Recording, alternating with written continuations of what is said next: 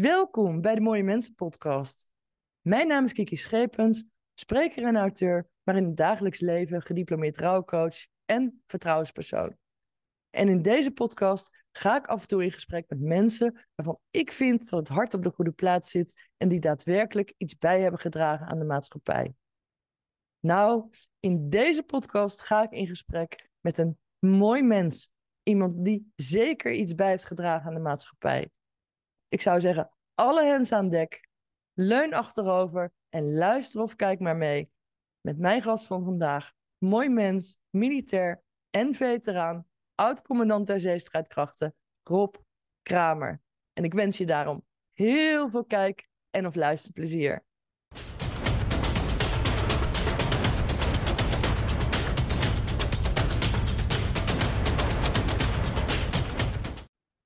Welkom bij de Mooie Mensen podcast, Rob Kramer. Ja, Kiki, dankjewel. Leuk om uh, zeg maar je te joinen op deze manier. Nou, dat vind ik ook, want ja, de insteek van deze podcast, ik ben heel benieuwd. Ik weet het al een beetje, maar voor mijn kijkers en luisteraars, wie is Rob Kramer? Wat heeft hij bijgedragen aan de maatschappij? En hoe is het nu met hem? Dus ja, Rob, ik zou zeggen, laten we de mensen niet langer in spanning houden. Stel jezelf even voor, alsjeblieft. Ja, dankjewel. Ik ben uh, Rob Kramer. Ik ben in 1962 uh, geboren in uh, Kampen, maar ik ben opgegroeid in Voorburg bij, bij Den Haag. Ik ben in 1982 ben ik, bij de marine gegaan, aan het Koninklijk Instituut voor de Marine. En eigenlijk mijn hele werkzame leven bij de marine gebleven. Heel veel gevaren, heel veel operaties ook uitgevoerd.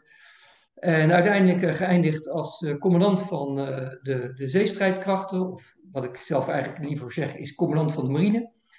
Uh, en dat heb ik vier jaar uh, mogen doen. Met, uh, met heel veel plezier en toch ook wel nou ja, de nodige trots.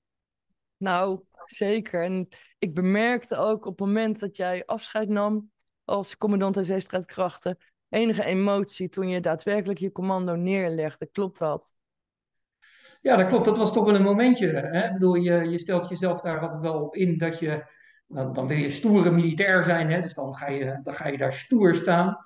Maar zo werkt het natuurlijk uh, niet. En, uh, ja, goed, weet je, uiteindelijk op het moment dat je dan toch na 40 jaar zo'n baan neerlegt, en zeker ook de laatste baan, hè, waarbij je commandant bent van al die mensen, ja, dat doet iets met je. En nou, dat vond ik trouwens ook helemaal niet, niet vervelend. want uiteindelijk is dat, is dat wie je bent en, en hoe, je, hoe je reageert op, op dat soort emotionele momenten. Dus nou, ik vond het eigenlijk wel een mooi moment. Ja, maar ook heel menselijk lijkt me. Zeker na ja. 40 jaar.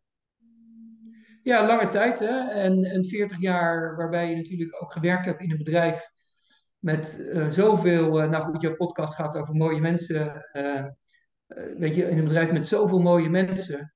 en zoveel mensen waar je ook een hele persoonlijke band mee hebt opgebouwd. En in heel veel gevallen ook echte vriendschappen. Ja, op het moment dat je daar dan afscheid van moet nemen, mag nemen, hoe je het wil zeggen ja, dat is natuurlijk toch wel een, een, een moment in je leven. Ja. ja, kan me heel goed voorstellen. Daar komen we dadelijk nog uitgebreid op terug. Uh, want je zei al, hè, geboren in Kampen, opgegroeid in Voorburg. Wilde je altijd al bij de Koninklijke Marine? Hoe is dat zo gekomen? Nou, ik wilde niet specifiek uh, gelijk bij de marine. Mijn vader was bij de landmacht. Uh, die was beroepsmilitair bij de landmacht. Um, maar mijn moeder, die zat helemaal in de, in de kunst. Die was galeriehoudster van de Haagse Kunstkring in Den Haag. Mm -hmm. Dus ik kom uit een gezin, zeg maar, waarbij je, hoop ik in ieder geval, denk ik trouwens ook wel, het best of two worlds meekreeg. Aan de ene kant het creatieve en aan de andere kant toch ook wel, zeg maar, de structuur van, uh, van meer. Uh, terwijl mijn vader helemaal niet zo'n zo strakke, als ik het zo mag zeggen, uh, militair was met snoer en stokje. Hè, bij de landmacht helemaal niet.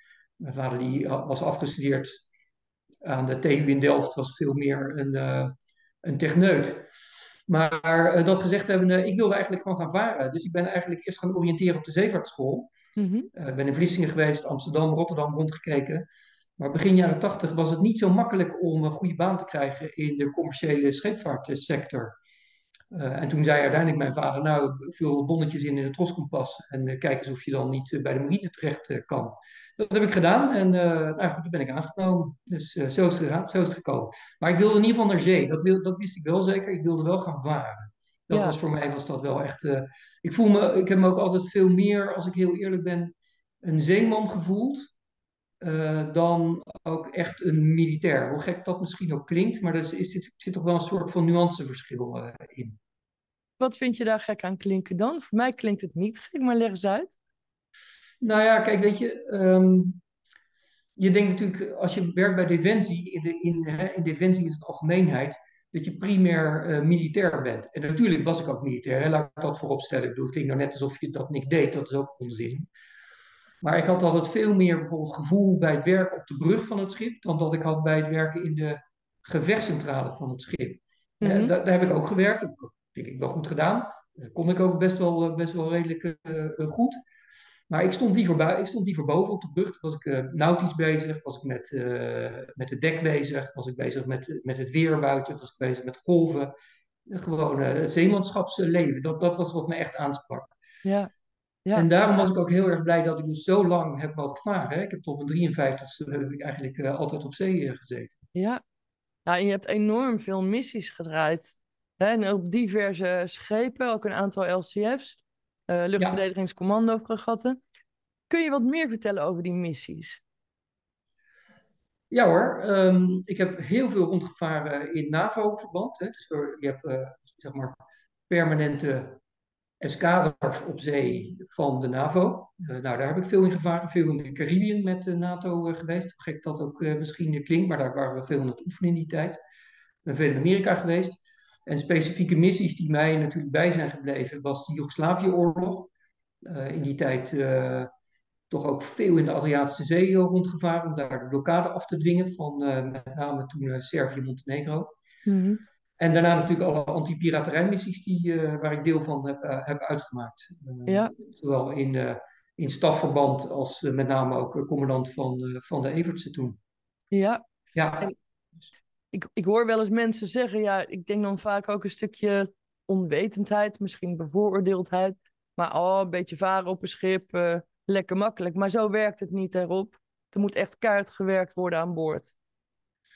ja aan boord wordt hard gewerkt door iedereen, hè, van, van de matrozen tot aan de commandant. Iedereen werkt hard.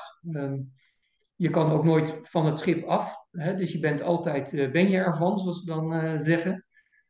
En dat geldt eh, ook voor alle dienstvakken. Of je nou uiteindelijk de bakker bent, die 's ochtends om, eh, om half vier begint met, eh, met brood en taart te maken als er iemand jarig is.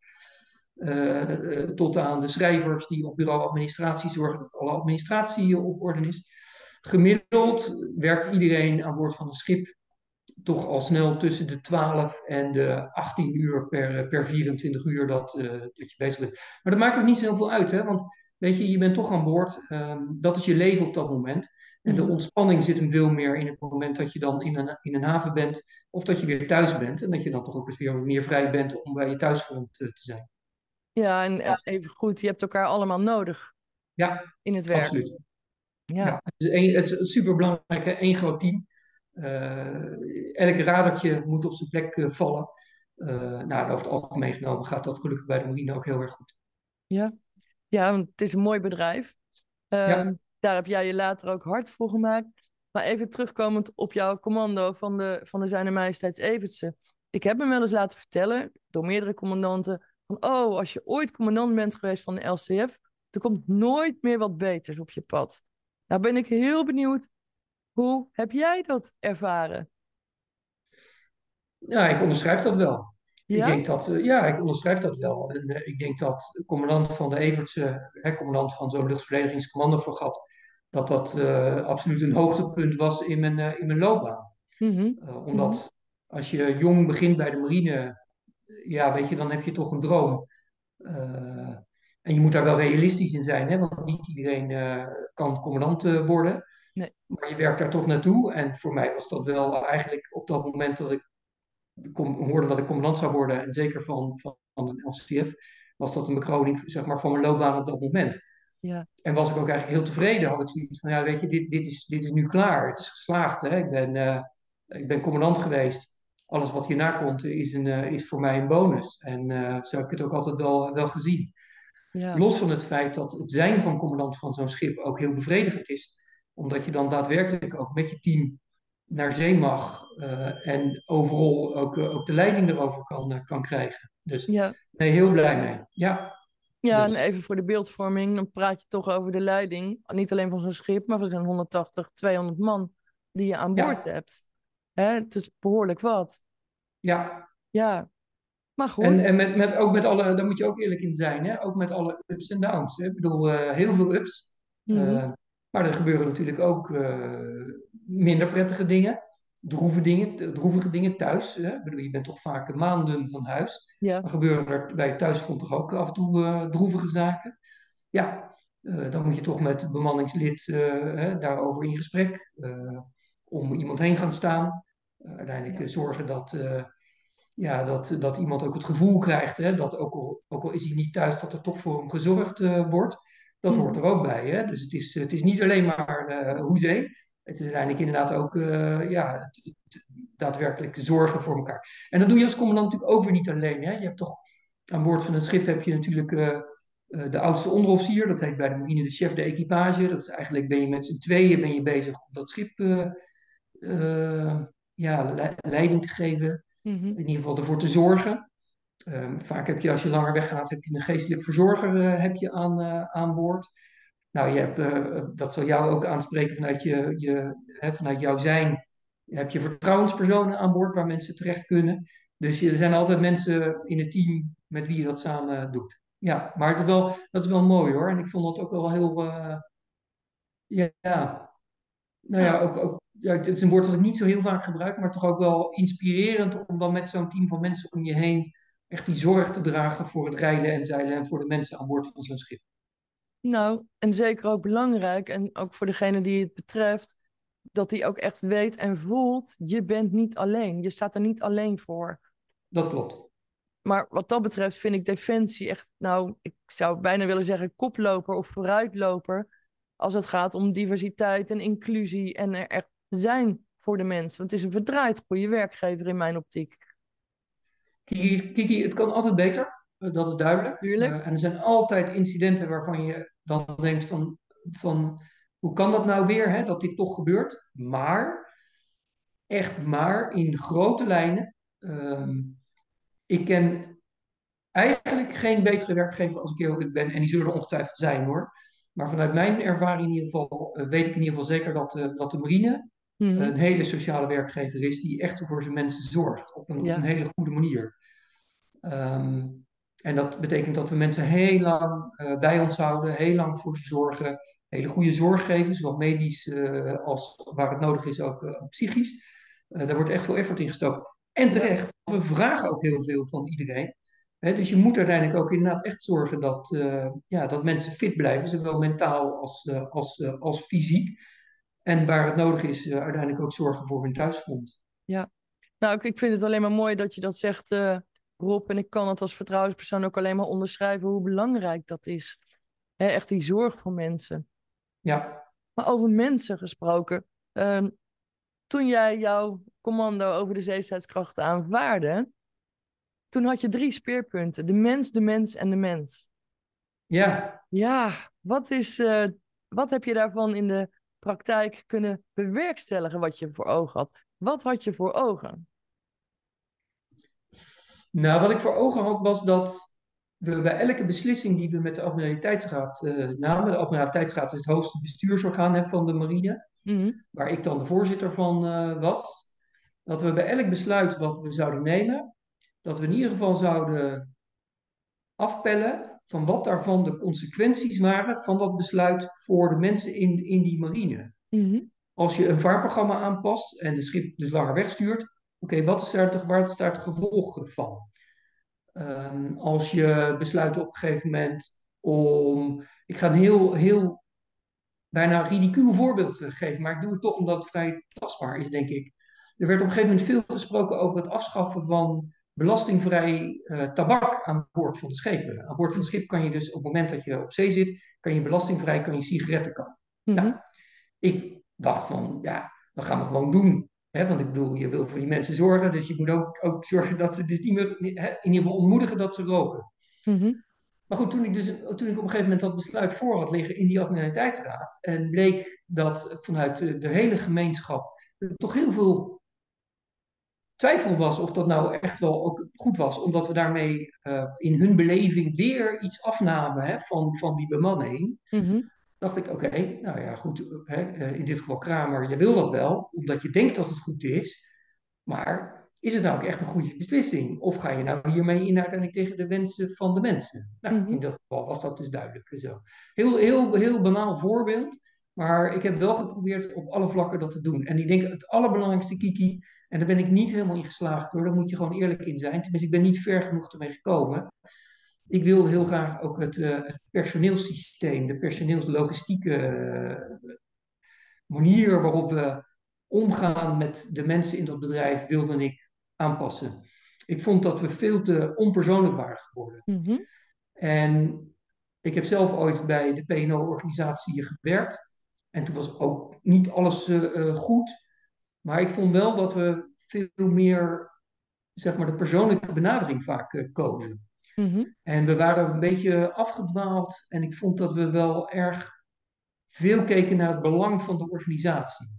Nou, dus ik heb geprobeerd om dat systeem uh, te veranderen. Dat is, dat is voor een gedeelte ook wel, wel gelukt. Mhm. Maar nog niet ver genoeg. En ik hoop eigenlijk dat mijn opvolger, uh, in dit geval René Tas, dat hij dat doorzet. En dat geloof ik ook wel. Dus ik heb dat in beweging gezet. Nou, al dat soort dingen was uiteindelijk gericht op inderdaad die mensen in dat bedrijf.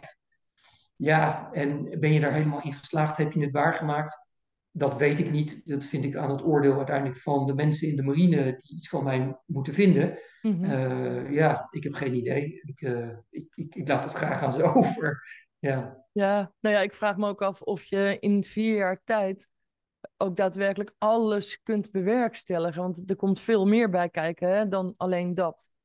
Dus ja, ik, ik, daar moeten inderdaad anderen maar over oordelen. Maar je hebt in ieder geval je hart daarvoor gemaakt. En dat is, vind ik al heel wat. Nee, dat is ook zo. En nogmaals, ik kijk ook met heel veel voldoening wat dat betreft uh, ook terug op die, Ja. uh, op die periode. Omdat ik voor mezelf ook weet dat ik in ieder geval uh, ja, wel woord heb gehouden en altijd wel die mensen centraal heb gezet. En Ja. ook inderdaad geprobeerd heb om zoveel mogelijk te doen. En wat je zegt is helemaal waar. Ik dacht dat vier jaar heel lang was, maar vier jaar is heel erg kort. Zeker um, ook binnen Defensie, maar ik denk dat dat voor heel Nederland wel geldt. Hè, waar heel veel regels zijn, uh, heel veel vermeende regels ook zijn, hè, waarbij mensen denken dat het allemaal zo moet. En vergeet niet, we kwamen ook uit een periode van uh, heel lang bezuinigen op Defensie, Ja. waarbij met name heel veel regels zijn ingesteld om controle te houden. En een van de zaken, of een van de gevolgen van ja, een, een, een wat bureaucratisch ingericht bedrijf, wat het inmiddels wel geworden was, met veel controlemechanismen erin, is ook dat het lastig in beweging is te krijgen. Nou, dat is ook wel een van de dingen die, die ik geprobeerd heb om weer, en ik niet alleen hoor, ook met mijn companen in Den Haag, de minister, de CDS, Rob Bauer, you name it, om te kijken dat we weer wat in beweging konden komen. Nou, dat is volgens mij wel, wel, wel gelukt. Maar het Dat ging langzaam en, en af en toe frustrerend hoor. Ik bedoel, echt, echt ook wel. eh, Ja. Dat kan ik me voorstellen. En ja, je ziet nu, zeker in deze huidige tijd, dat men er zich toch wel volgens mij meer bewust van wordt. Van oeh, misschien hadden we dat toch de afgelopen jaren anders aan moeten pakken. Hè, als je ziet de bekortingen, de bezuinigingen overal, personeel dat daar tegenaan loopt. Ja, dat, eh, er is nog veel te verbeteren op. Maar goed, dat is aan anderen nu. Ja, dat is een andere. En gelukkig, gelukkig Kiki, is wel nu de. En het is nu eigenlijk ongelukkig, hè? laten we dat ook nog een keer toch benoemen. Ik vind het ontzettend jammer dat in het huidige tijdsgericht dit nu nodig is. Hè? Ik bedoel, uiteindelijk was de tijd van ontspanning, eh, de jaren 90, eh, jaren 2000, het begin in ieder geval, waren natuurlijk toch veel prettiger eh, in de hele beleving van iedereen. Ja. Ook bij Defensie. Ja. En het vredesdividend was heel logisch op dat moment. Maar goed, uh, het wordt nu echt tijd om de naïviteit af te schudden. Ja. En gelukkig gebeurt dat ook steeds meer. Mensen beginnen zich wel bewust te worden van de situatie waarin Defensie verkeert. Ja. Nou, ik ben dus ontzettend blij bijvoorbeeld dat ook in de arbeidsvoorwaarden. Nou, je had het over een van de dingen hè, die, die, die wel gelukt is. Samen, Mhm. overigens niet alleen door mij, hè, maar met de vakbonden, maar ook met de minister toen. En zeker ook de staatssecretaris Barbara Visser.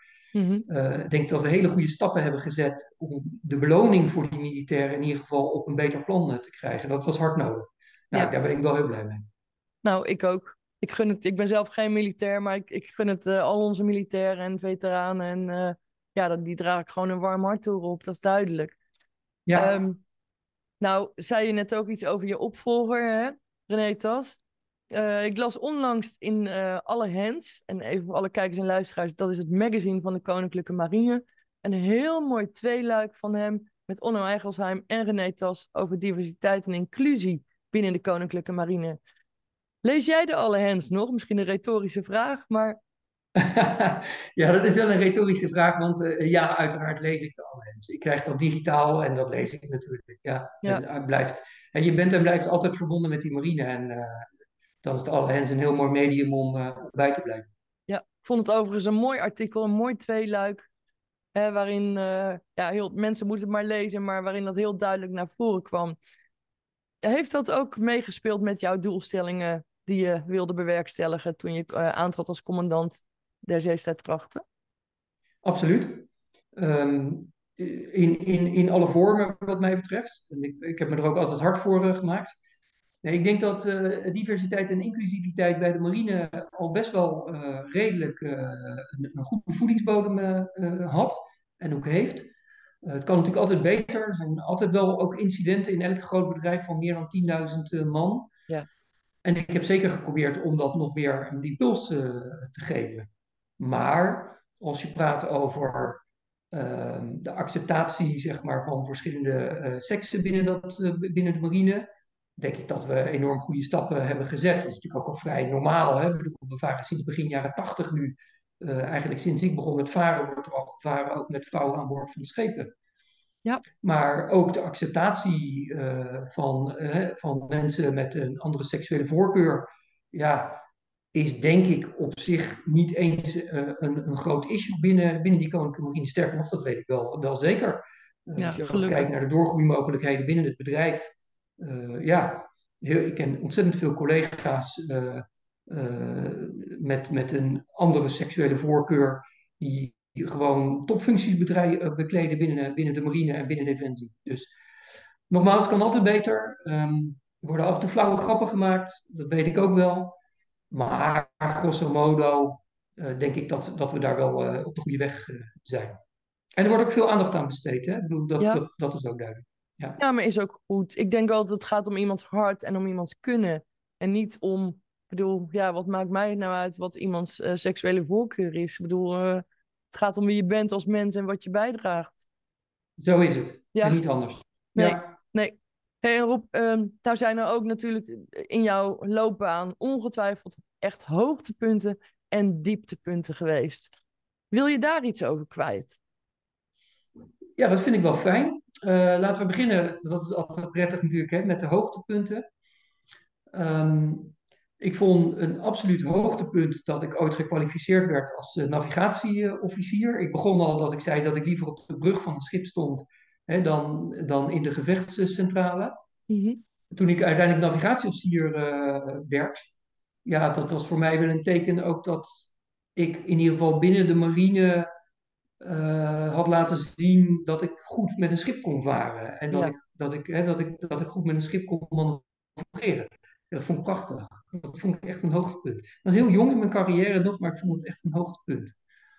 Ik vond wel het er al even over een hoogtepunt dat ik commandant werd van een schip. Ik vond een hoogtepunt dat ik op een gegeven moment uh, de verantwoordelijkheid kreeg dat ik ook de leiding mocht nemen over de opwerkstaf. En dat opwerkstaf is de trainingsstaf van de marine. Waarbij je dus met een team van professionals van schip naar schip gaat om dan zo'n scheve bemanning te helpen met het, uh, het, het, trainen hè, van hun capaciteiten. Dat vond, ik, dat vond ik een hele mooie stap. Ja, en ultiem was natuurlijk toch ook een hoogtepunt uh, ja, dat ik commandant van de marine mocht, uh, mocht worden. Daar Ja. kom je niet onderuit. Ja. En- Dieptepunten, ja, ook uiteraard. Ehm, ik heb meegemaakt dat, dat aan boord van mijn schip, die was niet van mijn bemanning, was, een, was iemand die aan boord was met de staf, maar die overleed bij mij aan boord van het schip. Ehm, dat wil je niet meemaken, dat er iemand uiteindelijk overlijdt aan boord. Nee. Want ja, ehm, Vreselijk. dat is, dat is gewoon vreselijk. En dat doet iets met, met, met de hele bemanning. Hè? Iedereen Ja. is dan in en in bedroefd. Ehm, ik heb datzelfde meegemaakt. Dat vond ik, dat vond ik eigenlijk wel, denk ik, het, de, de twee echte dieptepunten in mijn, in mijn hele loopbaan. Ik heb meegemaakt, uh, toen was ik plaatsvervangend commandant, dat uh, Mandy, dat was een duik, duikster bij de marine, dat die overleed. Mm -hmm. dat gebeurde op Curaçao, een noodlottig, noodlottig duikongeval. Oh. Zo ontzettend sneu, zo'n mooi mens. Uh, hele jonge, dappere uh, prachtige vrouw die dan hè, door een noodlottig ongeval om het leven komt. Mm. En hetzelfde geldt eigenlijk, toen was ik commandant van de marine, dat, uh, dat een helikopter uh, is neergestort in de West. Ja. waarbij twee van de bemanningsleden zijn omgekomen. Mm. Ja, op het moment dat je dan s'nachts moet aanbellen ehm, hè, bij, bij de, in dit geval bij de, bij de weduwe, dat was, dat was een absoluut dieptepunt en iets wat, ja, wat, wat ik nooit had willen, mee, willen meemaken. Nee. Nog los van het feit dat gedurende die periode van 40 jaar natuurlijk veel meer mensen zijn ontvallen in je directe omgeving. En dat, uh, ja, dat, dat, dat zijn wel echt, uh, echte dieptepunten geweest, moet ik zeggen. Dat geloof ik, dat hakt erin. En ja. gebeurtenissen die jij noemt, die staan mij ook uh, nog, nog vrij helder op mijn netvlies. En dat, dat geloof ik, dat wil je liever niet meemaken. Maar ja, je, nee. je moet het dan wel doen en je, je doet het dan toch. Maar hoe? Heel heftig ja, heel heftig, maar je moet het, je moet het doen. Het hoort ook bij uh, de verantwoordelijkheid. En uh, nogmaals, um, heel veel hoogtepunten. Maar ja, weet je, uiteindelijk bij het nemen van verantwoordelijkheid in elke baan, mm. dat is, geldt natuurlijk niet alleen voor Defensie. Het geldt denk ik in elke baan uh, waar je met mensen werkt. Ja, gebeuren ook droevige dingen. En dan er verstaan voor mensen, hè, voor nabestaanden of voor slachtoffers in zijn algemeenheid is super belangrijk. Hè? Want dat zijn de momenten die er echt toe doen. Weet je, het vieren van, het vieren van dingen uh, is relatief makkelijk. Um, en ik denk dat het veel moeilijker is. Maar het kan uiteindelijk ook wel heel veel voldoening geven als je verdriet ook samen wel tot een goed einde kan, kan brengen. Ja, nou dat was een van mijn vragen. Van hoe ging je daar dan zelf mee om? Want het lijkt me dan voor jou als commandant ook belangrijk dat je ook opgevangen wordt. Klinkt misschien een beetje raar, maar ik bedoel, eh, je hebt dan ook je gevoelens en je emoties. En dan is het fijn als er ook een team achter jou staat. Zeker. En dat klinkt helemaal niet raar, want het is essentieel. Het is, het is heel erg nodig. Want het lijkt wel alsof je als commandant, en dat is vaak ook zo, hè, het kan best eenzaam zijn, die commandantenfunctie, mm op alle mhm. verschillende niveaus. Maar je doet het nooit alleen. Wat ik net al in, eerder ook zei, aan boord van een schip heb je een team om je heen. Maar ook als commandant van de marine heb je een heel team om je heen. Ja. En dat begint met je chef de equipage, de oudste onderofficier. Maar uh, je, hebt, je hebt een plaatsvervanger. En los van mensen in je directe omgeving uh, is de marine toch ook een bedrijf waar, ook, waar je heel veel vriendschappen hebt. En ik heb ook gemerkt dat op momenten dat het even moeilijk was, dat juist ook die mensen je bellen en eens even langskomen en zeggen: Hey Rob, hoe gaat het nou eigenlijk met jou?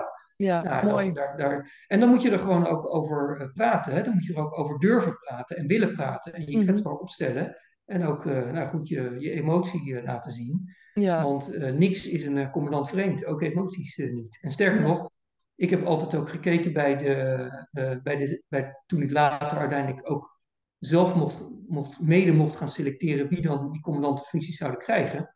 Was voor mij een belangrijk criterium op een gegeven moment of iemand ook inderdaad in staat is om zelf emotie te tonen en gevoel te tonen en betrokkenheid te tonen. Ja. Uh, want dat is wel cruciaal. Uh, ja, heel belangrijk voor leiderschap, ja. denk ik. Zeker. Ja, dat weet ik wel zeker. Ja. En, en Rob, um, nou staat de Defensie, maar sowieso de Koninklijke Marine bol van de tradities. Um, ja. Zijn er tradities waarvan jij zegt, oh, die vond ik wel heel bijzonder, of dat vind ik een hele mooie? Vertel eens. Goh, dat is een, dat is een, hele, dat is een hele goede vraag. Uh, Jamie. Um, laat ik vooropstellen met, met uh, te stellen dat tradities die hebben ook een doel. Het lijkt af en toe poppenkast, maar het heeft echt een doel. Want door de tradities zorg je ervoor op een gegeven moment ook dat, dat, um, uh, dat de collectiviteit, hè, dat, je, dat je als groep, dat je bepaalde dingen deelt en dat je bepaalde dingen samen doet. Is dat altijd leuk? Nee, want als jij drie uur ergens op je poten moet staan met een geweer in je hand, is dat echt niet leuk. Dat doet echt pijn en dat is echt heel vervelend. Maar achteraf uh, denk je dan, ja, maar dat was wel een mooie ceremonie. Want uh, hè, we herkenden elkaar wel nu in wat we doen. Dit is wel wat onderdeel is van wie we zijn. Mhm. En ik denk dat dat heel erg belangrijk uh, is. Ja. Ik vond zelf, moet ik eerlijk zeggen, de traditie van commandooverdracht altijd heel erg mooi. Los van het feit dat ik het natuurlijk zelf mocht, uh, mocht meemaken. Mhm. Maar het is altijd toch een feestelijke uh, gebeurtenis. ook een moment die belangrijk is voor de bemanning. of dat nou de bemanning is van een schip of van, een, van, van de hele marine of van, van binnen heel Defensie. Uh, Zo'n zo commandowisseling is altijd een, een, markering in de tijd van, oké, okay, er iemand stopt en wat heeft hij nou achtergelaten? We hadden het er al even over. En wat gaat de nieuwe commandant nou brengen? Hoe is die? Wie, wie is dat dan, dat mens? Uh, en wat, gaat, wat voor accentverschuivingen gaat hij nou doorvoeren of niet? Hè? En hoe is die ook als mens? Mhm. Uh, nou, dat, dat zie je heel duidelijk terug. Dus ik vond commandooverdracht altijd wel, wel mooie, mooie ceremonies die ook heel um, ja, tastbaar waren en ook echt inhoudelijk iets, in een verandering uh, gaan. Er waren ook wel ceremonies dat ik dacht van, nou ja, ja. Goed.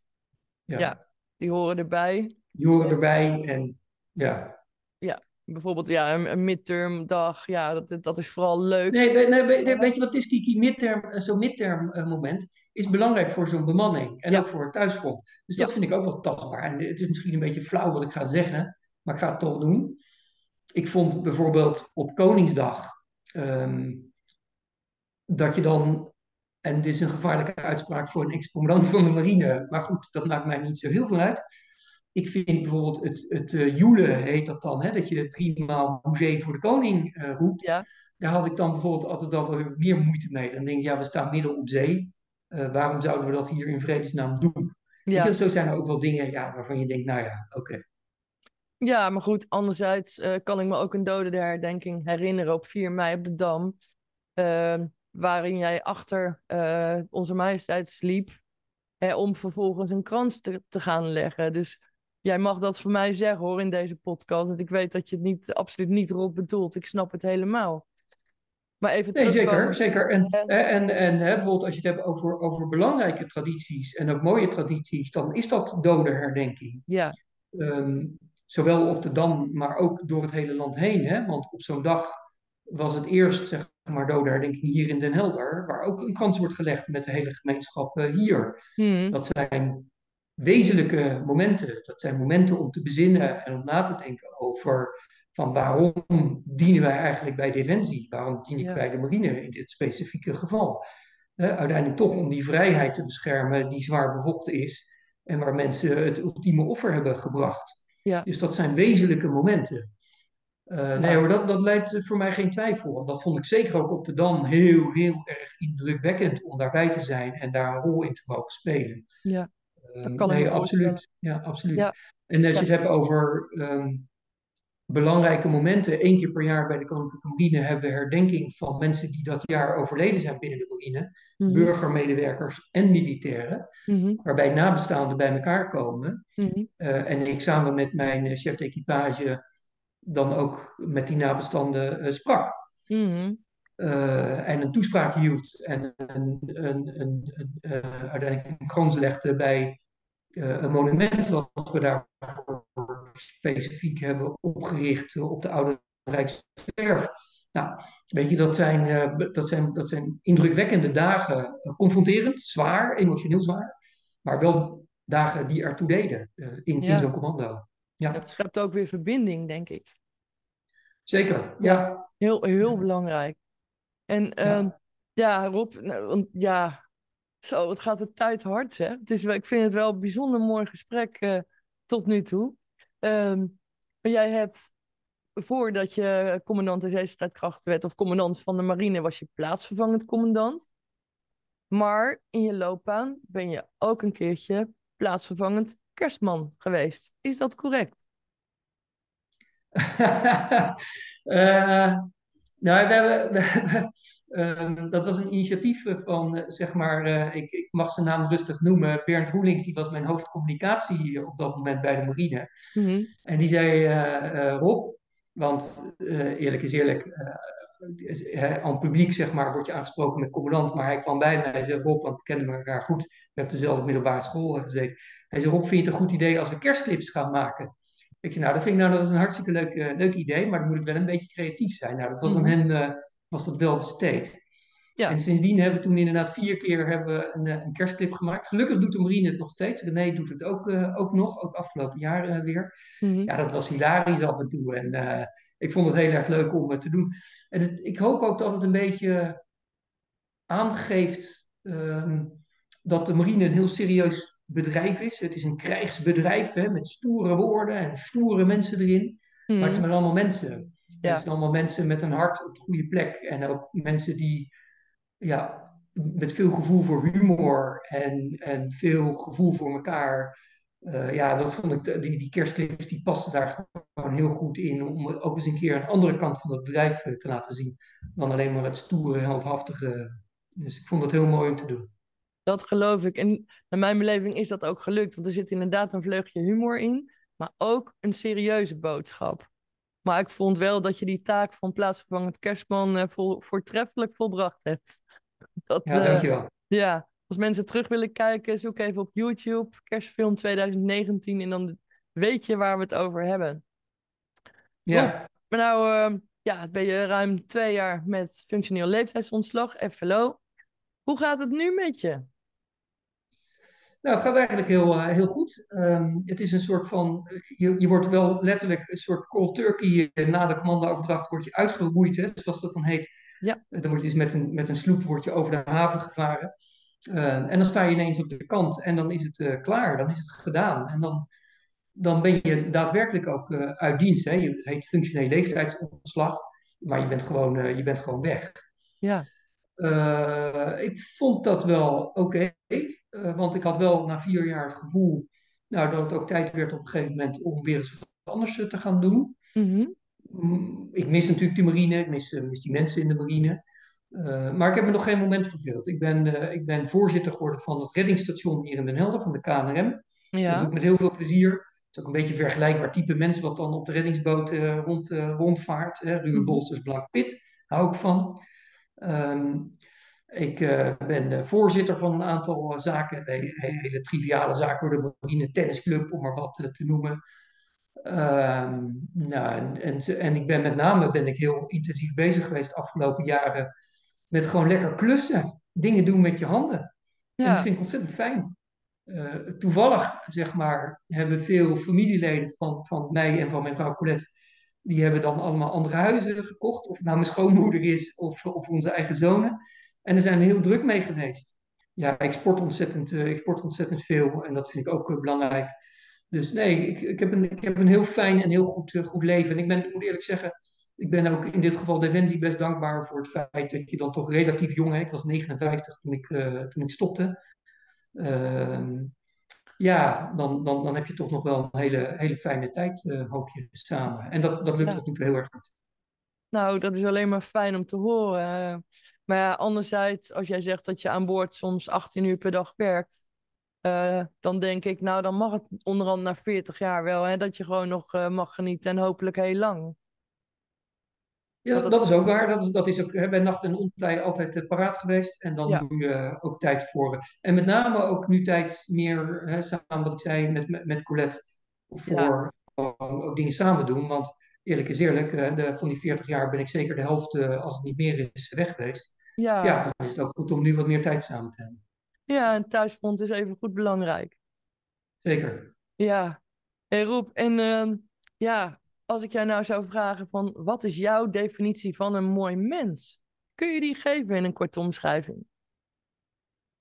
Um, ja, ik denk, het, ik denk het eigenlijk wel. Uh, maar goed, dat is wel heel persoonlijk. Hè? Ik bedoel, iedereen vindt natuurlijk andere as, aspecten belangrijk. Maar ik vind, belangrijk, ik vind een mooi mens iemand die dicht bij zichzelf uh, blijft.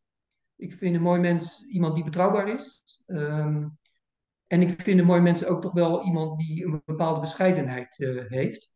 Mm -hmm. uh, wat, en tegelijkertijd hè, bescheiden, maar dan toch ook wel weer dapper en, en met een beetje lef. Het is een soort van balans daartussen. Maar iemand die zichzelf wat kan wegcijferen voor anderen, die dingen voor anderen over heeft. ja, dat, dat vind ik toch wel eigenlijk de belangrijkste eigenschap van, van een mooi mens. Dankjewel. Dat kan ik me ook heel goed voorstellen, want dat zijn juist vaak de mensen die daadwerkelijk iets bijdragen aan de maatschappij. Ja, klopt. In mijn beleving. Ja. ja. Hey, en Rob, als je nou tot slot nog een laatste boodschap zou mogen uitspreken voor mijn kijkers en luisteraars, wat zou die zijn? Dat je je niet helemaal gek moet laten maken op dit moment door, denk ik, twee dingen. Eén, door alles wat er in de wereld uh, gebeurt. Natuurlijk moet je je aantrekken en moet je erover nadenken. En moet je niet naïef zijn. Uh, en zoals ze dan bij de marine zegt, moet je niet, niet je kop in het... Nou, ik wou zeggen in een bepaalde plek stoppen. Maar in ieder geval je kop in het zand stoppen. Maar je moet je ook niet helemaal gek laten maken. Want eerlijk is eerlijk, ik leef nu uh, 61 jaar inmiddels. En ik ben letterlijk geboren in de tijd van de Cuba-crisis. Het is altijd spannend geweest. En het mhm. zal ook waarschijnlijk met de mensheid altijd wel spannend blijven. Dus laat je niet helemaal, word er niet te pessimistisch door. Dat is, dat is één kant. En het tweede is, en dat klinkt een beetje gek als we een podcast maken, alhoewel podcast is vooral luisteren natuurlijk. Ja, en kijken. Ehm, en, en kijken, eerlijk is eerlijk. Maar laat je ook niet helemaal gek maken door alle social media. En dan heb ik het vooral over voor, voor de jongeren. Want ik merk dat uh, je leest er veel over, dat de druk zo hoog is af en toe. Hè? Alles moet perfect. Mensen, het leven is niet altijd perfect. Mensen zijn niet uh, perfect. En je hoeft zelf ook helemaal niet perfect te zijn. Uh, iedereen heeft zo zijn eigen valkuilen, zijn eigen eigenaardigheden. Uh, niet iedereen is prachtig. ja, van binnen hoop ik. Hè, maar niet iedereen is van buiten prachtig. accepteer dat nou gewoon van elkaar. En laat elkaar zo'n beetje wat dat betreft met rust. Dus laat je niet helemaal gek maken. Dat zou mijn boodschap zijn. Nou, dankjewel. Maar dat vind ik op de valreep een hele mooie, Rob. Oké. Ja, dus uh, ik heb ook begrepen, voor zover ik me heb kunnen verdiepen, jij hebt zelf ook geen socials. Hè? Heb ik dat goed gezien of heb ik verkeerd gekeken? Nee, dat heb je goed gezien. Ik uh, was uh, relatief actief in de tijd dat ik uh, hè, zeg maar commandant was van de marine. Dat hoort er dan ook bij, vind ik. Hè? Ik bedoel, mm -hmm. uiteindelijk ook om, om, om, die marine te promoten en te laten zien in de openbaarheid van wat er allemaal gebeurt. Maar ja, ik, ik, uh, nee, ik heb gewoon een heel fijn bestaan. Ik, ik zit uiteraard gewoon op, uh, op, op mijn eigen WhatsApp met, met mensen van wie ik hou. Mm. en die me, hè, mijn vrienden. Maar verder dan dat, nee, heb ik niet ontzettend de behoefte om, om, om daar actief op, op te zijn. Ja, ik vind dat hele... gewoon een oude lul trouwens. Nee, ik vind dat hele wijze woorden. Ja. nee, ik vind het hele wijze woorden, Rob. En inderdaad, uh, voor alle mensen, laat je niet gek maken. Um, voordat we af gaan sluiten, Rob, zou ik aan alle kijkers en luisteraars sowieso willen bedanken voor het kijken of luisteren. Laat even weten wat je van deze podcast vindt. En Rob, ja, ik wil jou heel hartelijk bedanken dat je te gast wilde zijn in mijn podcast. Ik wens je alle goeds voor de toekomst en dat je nog maar heel lang mag genieten samen met jouw Colette van je FLO. Kiki, jij bedankt. Ik vond het ontzettend prettig. Dankjewel. Dankjewel Rob. Het beste. Bye bye.